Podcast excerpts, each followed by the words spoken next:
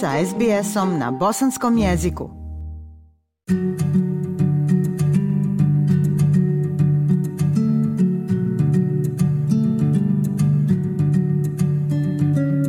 Slušate program SBS radija na bosanskom jeziku. Ja sam Aisha Hadži Ahmetović. Želeći da upotpunimo sliku bosansko-hercegovačke zajednice u Australiji i da predstavimo mlađu generaciju imigranata koja tek trasira puteve svojih snova, ideala i ostvarenja u novoj domovini, razgovaramo danas sa gospodinom Nerkezom Opačinom, koji je prošle godine doktorirao na globalnim studijama RMIT univerziteta u Melbourneu. Nerkez je u Australiji Australiju došao prije više od pet godina kao mladi istraživač teme neformalnog obrazovanja mladih na poziv profesora Hariza Halilovića i sada pokušava ovdje u Melbourneu ostvariti svoju akademsku karijeru. Gospodine Opačin, dobrodošli u program SBS Radija na bosanskom jeziku.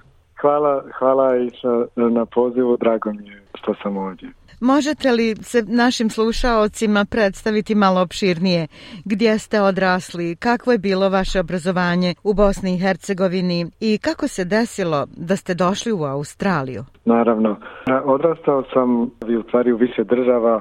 Rođen sam u Sarajevu, tata mi je iz Bosne i Hercegovine, mama mi je iz Hrvatske. Tako da smo onda isto tako živjeli i u Crnoj Gori, Bosni, Hrvatskoj, dok je još postojala bivša Jugoslavija. Onda, tokom rata u Bosni i Hercegovini, mi smo bili izbjeglice u Njemačkoj. I onda, nakon Njemačke, e, roditelji su odlučili da se da živimo u Bosni i Hercegovini, gdje smo preselili 1900 99. i tu sam onda počeo da tu sam išao u, u, u Sarajevu, sam išao u srednju školu koju sam završio i studirao sam na Internacionalnom univerzitetu u Sarajevu mirovne i sigurnosne studije i živio u jednoj posljeratnoj zajednici koja je na kraju i nekako vodila ka mom profesionalnom putu gdje sam u Njemačkoj otišao da studiram mirovne i sigurnosne studije na univerzitetu u Hamburgu i nakon tog studija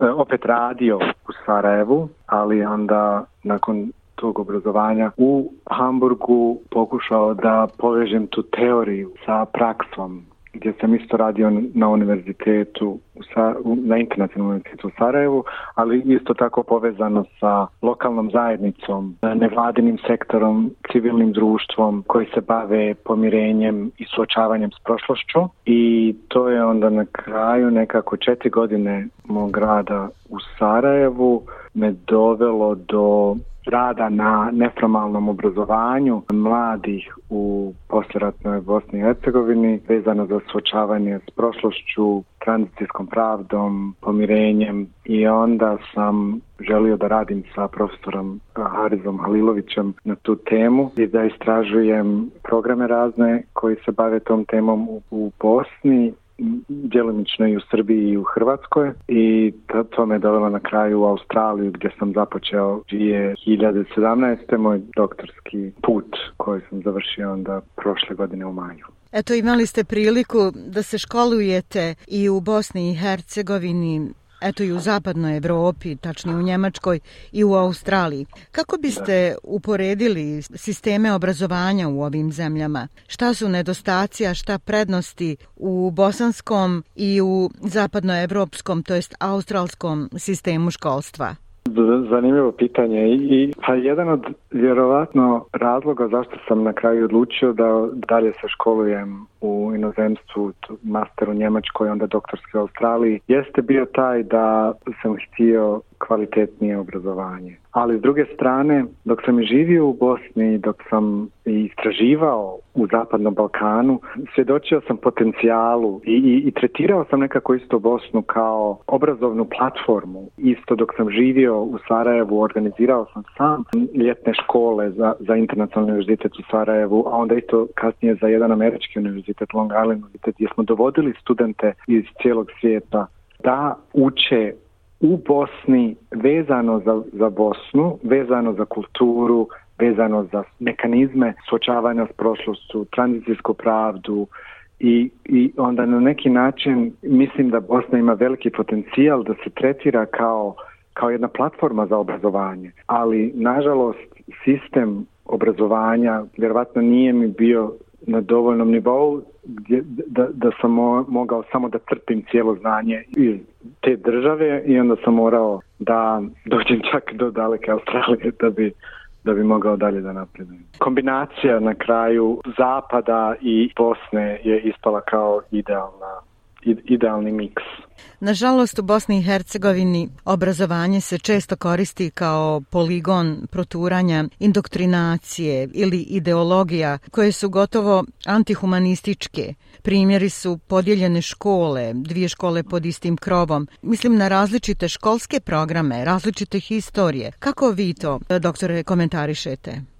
to je jedan baš problem koji izgleda je sve prisutan i, i, i ne vidi se kraju tome. I baš zbog toga bari moje istraživanje je fokusirano na neformalno obrazovanje. Zato što u, u Bosni i Hercegovini i nemamo ministarstvo obrazovanja na državnom nivou, učimo tri razne historije, geografije, jezike koje se uče isto, kao što kažete, u, u, u podijeljenim školama, dvije škole pod jednim krovom, tako zvane. Koliko ja znam i moje zadnje informacije, preko 50 škola još uvijek u Bosni i Hercegovini i to sve dovodi do i daljnjeg podijeljenja zajednice. I onda kao nevladin sektor koji je financiran od većinom stranih mislim, ambasada ili Evropske unije pokušava da kroz neformalno obrazovanje, kroz te programe i škole nekako se bori protiv te podjele koja imam osjećaj se samo još više etablira. I te moja tema eh, s kojom se ja bavim, vidim puno potencijala u tim neformalnim programima, ali s druge strane opet isto ne, ne vidim opet da ima dovoljno prostora da stvarno taj potencijal može da prenese na što veći broj omladine u, u, u u toj državi. Mislite da se razvije i da se učvrsti? Da, da se razvije i možda idealno bi bilo da se može adaptirati u, u formalno obrazovanje i koristiti, da. Vi ste bili širi istraživač etnografije Bosne i Hercegovine u oblasti obrazovanja i uspostavljanju mira u posljeratnoj Bosni i Hercegovini. Rekli ste da ste bili učesnik mirovnog kampa u mom rodnom gradu Sanskom mostu koji već decenijama radi na izgradnji mira u Bosni i Hercegovini. Kakva su vaše zapadnje pohađanja. Jeste li imali neka zanimljiva iskustva? Pa da, da, prijatelj Fahidin i njegov tim koji radi stvarno predivne stvari, pogotovo sa, sa, sa njihovom mirovnom farmom koju pokušavaju da izgrade u Sanskom mostu i, i aktivnosti da do, dovedu do neke bolje budućnosti mladih. Bahidini i, i Centar za mir isto trebaju prostora, mislim i, i, i, i imaju divnih ideja i divnih inicijativa koje se rade, ali vidim da opet nema tu podrške lokalne zajednice ni države koja bi to mogla dalje da promovira i, i da koristi. Tako da sve te inicijative, one su divne, da li je to u Sanskom mostu, ima isto e, kvart koji je u Prijedoru, oni zajedno su surađuju i koji se isto bore e, vezano za mirovno obrazovanje, za inkluziju i, i prihvatanje manjina, ali lokalne zajednice i, i, i vlada ne daju dovoljnu podršku da bi oni stvarno imali ja, širi obim. Gospodine Nerkez, kakve su vaše trenutne ambicije i kakvi su vam planovi? Šta trenutno radite? Sad radim na RMIT univerzitetu kao um, istraživač na jednom drugom projektu nije direktno vezan za rat i, i za obrazovanje, ali, ali, ali metode istraživanja su usko uh, povezane sa metodama koje sam koristio isto u Bosni i Hercegovini. Isto na univerzitetu u Melbourneu predajem predmete vezane za kritičko razmišljanje ili metode istraživanja. Tema ta e, vezana je za osjećaj samoće u, u ljudima koji žive u, u, u gradovima i kako to dovodi do drugih isto mentalnih i fizičkih bolesti i mi pokušavamo da testiramo sad programe i da vidimo kako bi priroda unutar gradova mogla pomoći ili e, inicijative koje koriste prirodu unutar gradova da bi se borili protiv osjećaja samoće u društvima koje su sklone tome. Da, zaista je zanimljiva tema I svakako da je alijenacija, otuđenje, usamljenost e, pojedinca jedan globalni problem, dakle koji mm. možda ne dotiče više ni samo velike gradove, nego ljude u cijelom svijetu. Da. Recite nam, doktore Opačin, šta biste istakli kao najveću vrijednost vašeg boravka u Australiji? I to je jako lijepo pitanje. Pa najveću vrijednost ili jednu od je u stvari to obrazovanje isto koje sam stekao u ovoj državi i mogućnost da dobijem stipendiju i da završim taj doktorski i suradnja sa mojim prijateljem i mentorem doktorom Harisom Halilovićem koji mi je i dan danas velika inspiracija u, u, u radu i uvijek uživam biti u njegovom društvu i dalje učiti da li je to sad formalno ili neformalno gledati svijet nekad kroz njegove oči i njegova iskustva. Tako da obrazovanje i prijateljstvo sa doktorom Harisom Halilovićom definitivno su jedne od najvećih stvari ono poklona koje sam mogao da dobijem u ovoj državi. Šta biste poručili našim slušalcima ovdje u Australiji?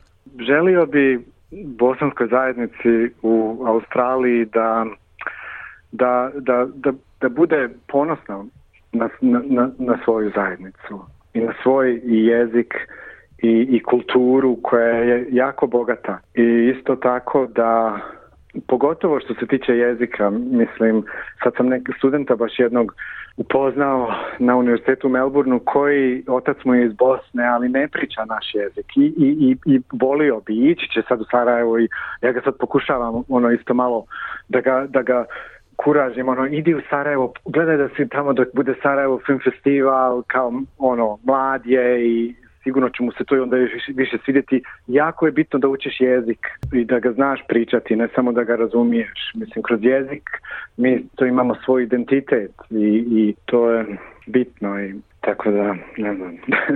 Tako da poručujete našim ljudima da i kroz jezik uvijek drže vezu sa domovinom, Bosnom i Hercegovinom. Da, upravo to.